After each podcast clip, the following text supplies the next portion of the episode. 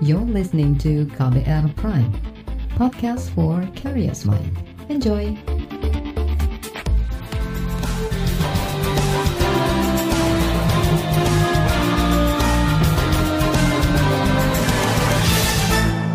Halo saudara, senang sekali kami bisa menyapa Anda kembali dalam program KBR Sore edisi Selasa 1 Desember 2020. Saya Agus Lukman kembali menemani Anda selama kurang lebih 30 menit ke depan. Kali ini kita membahas penanganan HIV AIDS. Bertepatan dengan hari ini, 1 Desember merupakan peringatan Hari AIDS sedunia. Pelayanan HIV AIDS sempat terganggu selama pandemi COVID-19. Apa saja upaya pemerintah dan pihak terkait dalam menangani HIV AIDS yang belum ada obatnya ini. Hari ini 1 Desember diperingati sebagai Hari AIDS sedunia. Peringatan di tengah pandemi COVID-19 kali ini menjadi momentum untuk memperkuat kolaborasi dan meningkatkan solidaritas dalam menanggulangi HIV AIDS di Indonesia. Menteri Kesehatan Terawan Agus Putranto menargetkan pada 2030 nanti Indonesia bisa mengakhiri HIV AIDS. Kementerian Kesehatan juga mendorong pengendalian AIDS terus dilakukan, termasuk pencegahan meski terkendala pandemi COVID-19. Berikut pernyataan Menteri Kesehatan Terawan Agus Putranto pada peringatan Hari AIDS Sedunia. Tahun ini walaupun di tengah-tengah pandemi COVID-19, jangan sampai menyurutkan semangat kita untuk terus mengedepankan upaya dan semangat pencegahan dan pengendalian HIV di Indonesia.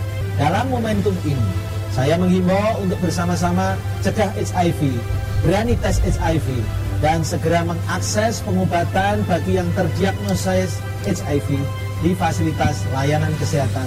Itu tadi Menteri Kesehatan Terawan Agus Putranto. Sementara itu Direktur Pencegahan dan Pengendalian Penyakit Menular Langsung di Kementerian Kesehatan Siti Nadia Termizi menegaskan upaya pencegahan dan pengendalian HIV AIDS merupakan salah satu program kesehatan prioritas di Indonesia. Berikut penjelasannya. Mengakhiri AIDS di Indonesia pada tahun 2030.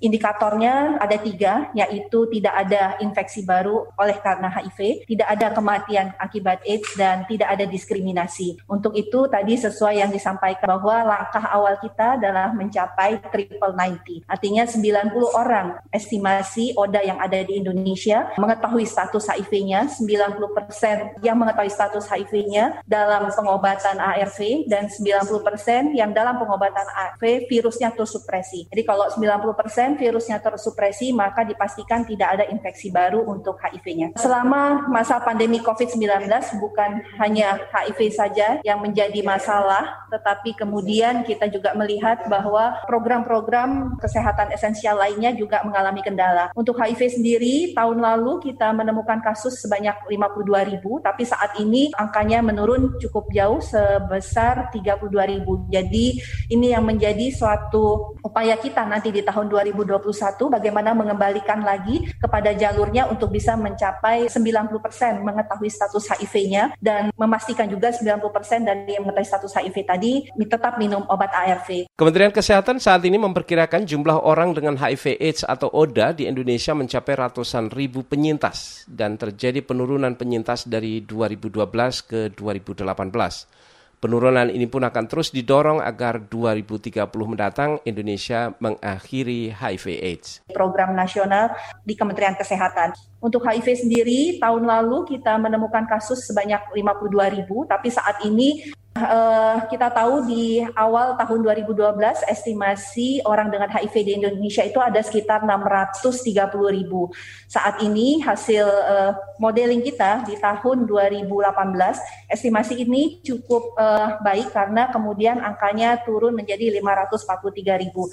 Jadi ini adalah merupakan kerja bersama kita dan uh, kerja semua karena HIV tidak bisa uh, hanya oleh sektor kesehatan saja, tetapi berbagai lintas sektor dan lintas program dari mulai upaya pencegahan sejak tentunya remaja sampai dengan kita bagaimana mengubah perilaku beresiko. Itu tadi Direktur Pencegahan dan Pengendalian Penyakit Menular langsung di Kementerian Kesehatan Siti Nadia Tarmizi. Tentu langkah ini harus dimulai dengan bagaimana kita memastikan bahwa pemenuhan hak di bidang kesehatan bisa dilakukan dengan sebaik. Tetapi ketika anak-anak kita harus berhadapan dengan situasi dan kaitannya dengan HIV AIDS, maka ada beberapa upaya yang sudah diamanahkan dalam Undang-Undang 35 tahun 2014 melalui lima langkah upaya yang harus kita lakukan bersama. Satu adalah pengawasan, lalu kemudian yang kedua pencegahan, yang ketiga pengobatannya, lalu kemudian perawatannya, dan tentu kelima adalah rehabilitasinya. Sementara Kementerian Pemberdayaan Perempuan dan Perlindungan Anak mendorong agar tidak ada diskriminasi dan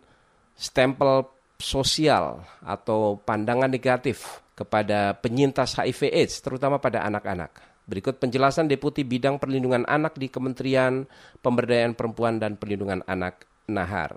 Banyak hal yang telah dilakukan oleh pemerintah dan pemerintah daerah dari segi pencegahan sampai dengan penanganan termasuk penyediaan ARP secara gratis. Walaupun demikian pemerintah dan pemerintah daerah tidak dapat bekerja sendiri. Peran masyarakat dan komunitas juga sangat penting sehingga diangkat menjadi tema Hari AIDS 2020 akhiri pandemi HIV AIDS resiliensi. Sesuai dengan tema di atas, penting bagi penyintas HIV AIDS memiliki resiliensi di dalam diri agar mereka dapat menghadapi, mengatasi, dan menjadi kuat atas kondisi yang dihadapinya. Memiliki resiliensi agar mampu bangkit dari kondisi keterpurukan, eh, dapat terbentuk menjadi kuat dengan dukungan dari lingkungannya. Komunitas atau gerakan masyarakat diharapkan dapat membantu melakukan pencegahan penularan HIV di lingkungannya. Kementerian Pemberdayaan Perempuan dan Pelindungan Anak juga melibatkan Kementerian Pendidikan dan Kebudayaan serta Kementerian Kesehatan mengenai edukasi hak-hak orang dengan HIV AIDS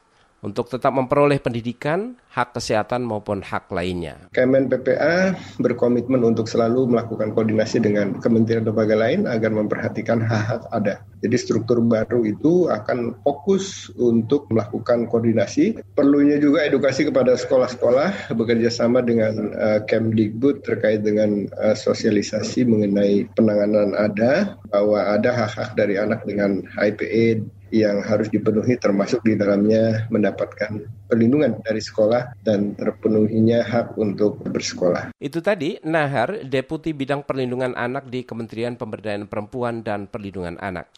Saudara, berdasarkan data Kementerian Kesehatan, pada tahun ini terdapat kasus HIV AIDS baru sebanyak 21 ribu orang.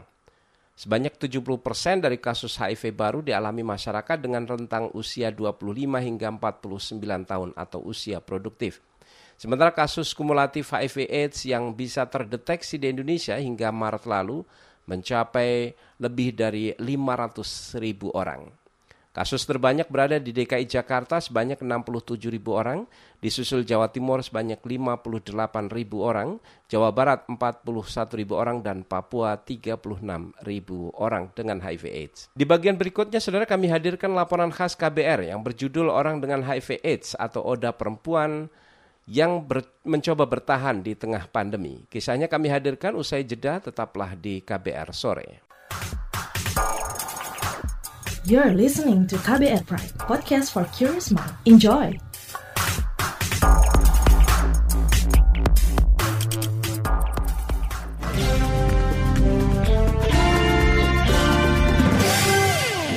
Saudara, orang dengan HIV AIDS atau ODA perempuan menjadi kelompok minoritas yang rentan terdampak pandemi COVID-19. Selain terpukul dari sisi ekonomi, Kesehatan mereka pun terancam akibat kelangkaan stok obat antiretroviral atau ARV. Jurnalis KBR Lea Citra berbincang dengan salah satu oda perempuan tentang perjuangan mereka bertahan di tengah pandemi. Ya sering sih saya udah patah semangat sebenarnya. ya udah kayak gini, udah aku positif, dititipin anak empat, kerjaan diberhentikan, aduh. Nada putus asa terdengar dari ungkapan-ungkapan Heni.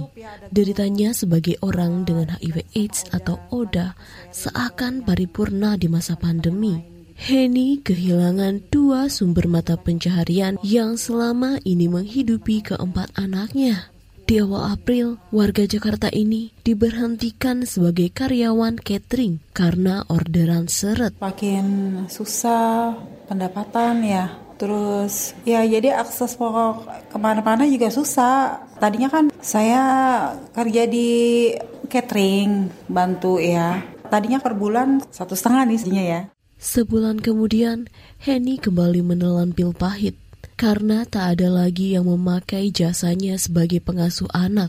Dari pekerjaan sampingannya ini, ia mendapat upah 50 ribu per hari. Henny sempat dijanjikan bakal dipekerjakan kembali, tetapi sampai sekarang belum ada kabar baik terdengar.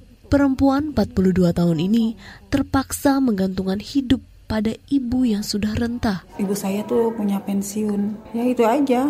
Ya nyukup-cukupin aja sih. Anak empat. Ibu saya pensiun satu juta dua ratus lah ya. Ya dicukup-cukupin lah. Sebenarnya sih kalau di ini nggak cukup. Henny menjadi ya. orang tua tunggal sejak suaminya menelantarkan mereka lima tahun lalu. Padahal ia tertular HIV AIDS dari suaminya yang kerap memakai narkoba dan melakukan hubungan seks yang tidak aman. Henny sudah menjadi Oda sejak 2017. Bapak udah kayak gini tanggung jawab. Aku nggak ada ntar anak aku gimana?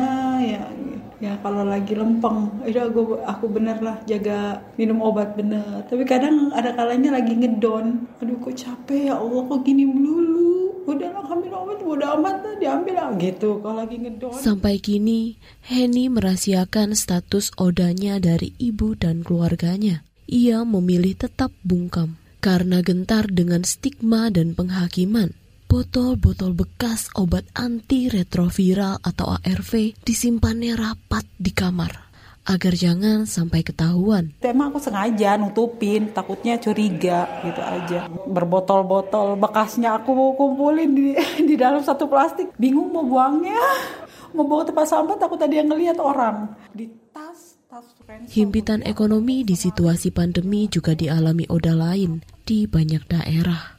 Kondisi miris ini mendorong komunitas Oda untuk menggalang bantuan saat pemerintah Lamban bergerak. Koordinator Ikatan Perempuan Positif Indonesia Nining Ivana. Orang dengan HIV di Indonesia itu banyak sekali dari kalangan menengah ke bawah. Kami yang bergerak dulu untuk teman-teman kami gitu. Kami yang mencari dana untuk gimana caranya teman-teman ini bisa minimal bertahan, tidak kelaparan lah saat di pandemi ini. Selain ekonomi, ancaman kelangkaan stok ARV turut membayangi hidup para Oda di masa pagebluk. Nining mengatakan banyak Oda kesulitan mendapatkan ARV karena pemerintah mengabaikan nasib mereka dengan dalih tengah sibuk menangani COVID-19. Komunitas seperti IP berinisiatif mengumpulkan sisa ARV milik Oda yang sudah meninggal untuk dibagikan kepada mereka yang kehabisan stok. Selain itu, praktik meminjamkan obat antar Oda juga masih menjadi cara untuk saling menopang. Kan ini kan negara kewajiban untuk menyediakan kesehatan untuk setiap rakyatnya dan itu harusnya menjadi landasan utama supaya teman-teman tetap tersedia ARV-nya. Tapi saya nggak ngerti, ada saja permasalahannya. Protes ini ditanggapi Direktur Pencegahan Pengendalian Penyakit Menular Langsung Kementerian Kesehatan Windra Wawuruntu. Ia mengklaim suplai ARV aman selama pandemi. Demikian halnya dengan pelayanan kesehatan bagi Oda yang disebutnya tetap berjalan lancar mungkin cuma terganggunya sekitar satu minggu, kemudian ya setelah itu obat sudah dipenuhi dan kalau sampai hari ini obat sudah tersedia di semua layanan. Udah bersyukur ya cuma tinggal aku bener minum obat aja. Ya kan kuncinya itu aja sih. Bagi Oda seperti Henny, ketersediaan ARV tanpa jeda merupakan keharusan untuk menyambung nyawa. Itu sebab ia menagih komitmen kepedulian pemerintah terhadap Oda kalau misalnya kita kehabisan stok ya kita otomatis berhenti terus gimana? Oh, dia udah kita kan. Tolong diperhatikan aja pemerintah gitu. Itu kan untuk kelangsungan hidup kami. Demikian Saga KBR saya Lea Citra. Di bagian berikutnya, saudara, kita simak gerakan-gerakan yang dilakukan oleh Komisi Penanggulangan AIDS atau KPA di daerah untuk menekan angka orang dengan HIV AIDS, terutama di masa pandemi COVID-19. Apalagi Komisi Penanggulangan AIDS Nasional sudah dibubarkan Presiden Joko Widodo pada 31 Desember 2017 lalu. Informasi selengkapnya kami hadirkan sesaat lagi, tetaplah di KBR Sore. You're listening to KBR Pride, podcast for curious mind. Enjoy!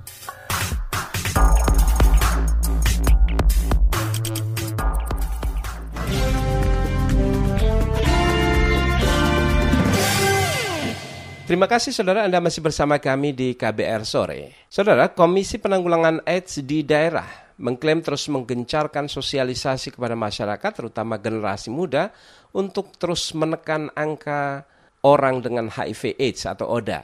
Salah satunya dilakukan oleh Komisi Penanggulangan AIDS KPA Kepulauan Yapen, Provinsi Papua.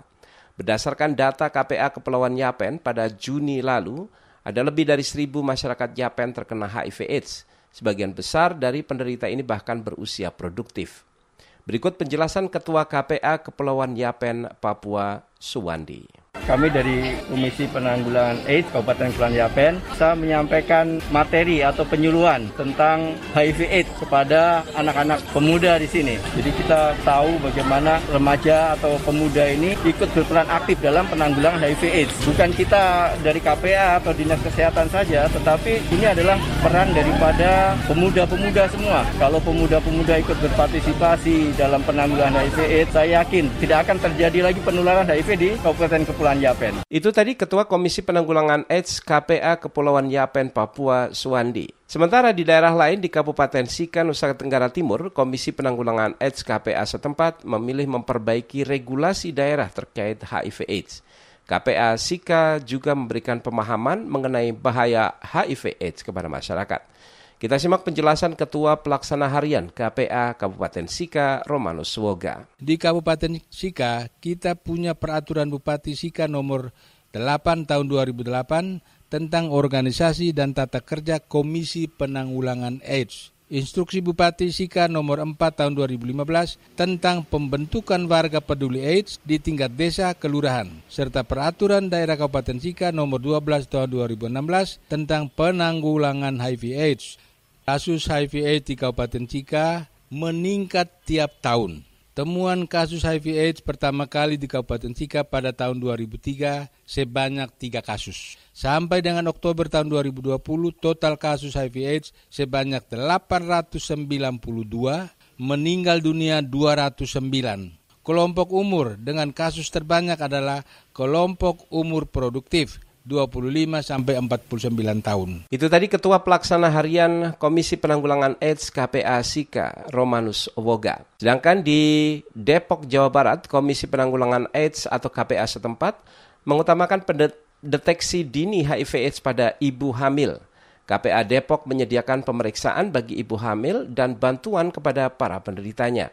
Hal itu dilakukan agar orang dengan HIV AIDS tidak merasa diasingkan atau mendapat stempel buruk di masyarakat. Berikut penjelasan Ketua Sekretariat Komisi Penanggulangan AIDS KPA Depok, Khairuddin. Setiap kecamatan melaksanakan mobil PCT untuk ibu hamil. Dan khusus Kota Depok ditargetkan dari 48 ribu ibu hamil minimal 80% tercapai. Diharapkan setiap kelurahan minimal 50 orang ibu hamil bisa mengikuti mobil PCT. Dengan tujuan dites kesehatannya, nah, dilihat gula darahnya apakah mengandung virus atau tidak. Mudah-mudahan mereka sehat semua. Yang kedua, berbagi. Pertama, berbagi kepada ODA. Yang kedua, berbagi kepada anak ODA atau ADA bisa berbentuk sembako, bisa berbentuk susu, bisa berbentuk yang lain. Itu tadi saudara Ketua Sekretariat Komisi Penanggulangan AIDS KPA Kota Depok, Khairuddin. Dan di bagian berikutnya, saudara kami hadirkan sorotan dari Ikatan Perempuan Positif Indonesia mengenai penanggulangan dan penanganan HIV/AIDS di Indonesia oleh pemerintah yang dianggap masih belum berhasil. Kami hadirkan perbincangannya sesaat lagi, tetaplah di KBR sore. You're listening to KBR Pride, podcast for curious mind. Enjoy!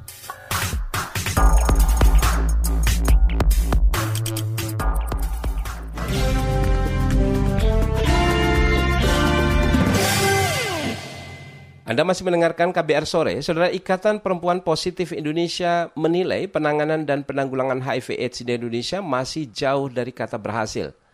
Ikatan Perempuan Positif Indonesia ini diinisiasi oleh dan untuk perempuan dengan HIV AIDS.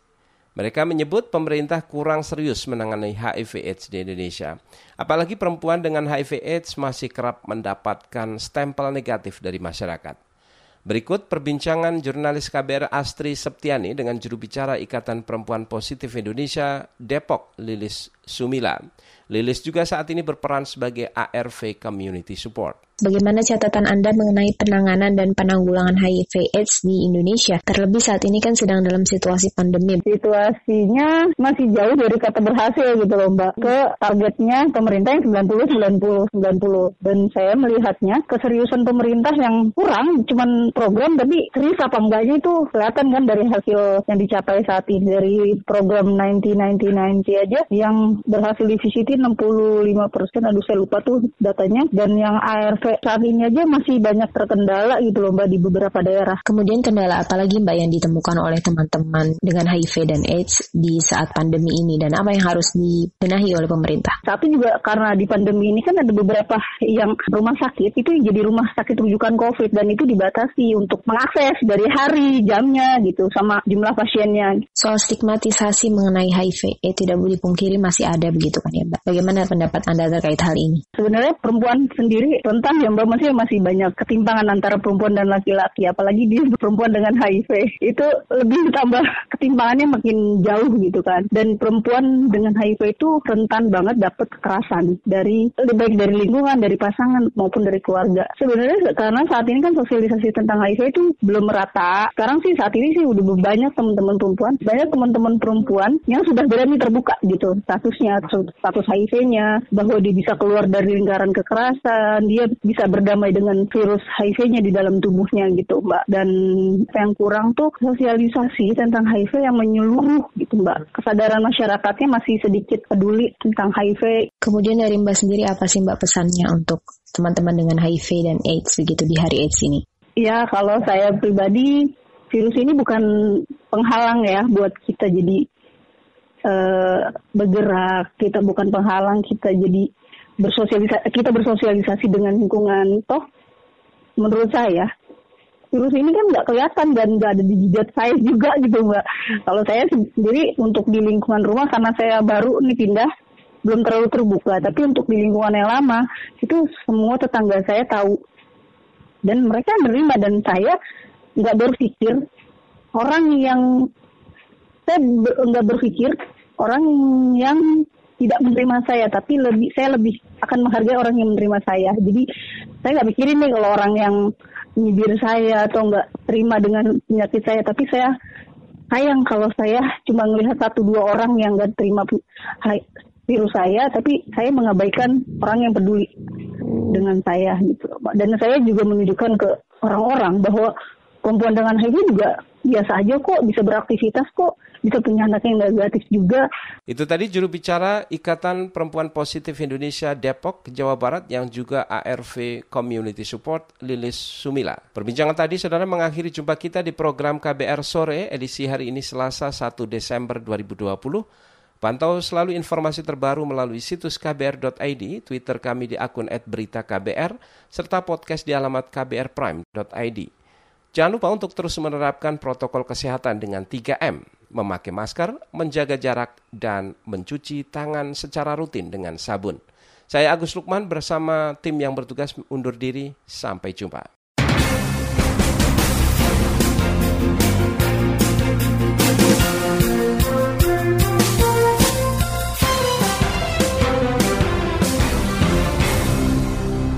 KBR Prime, cara asik mendengar berita.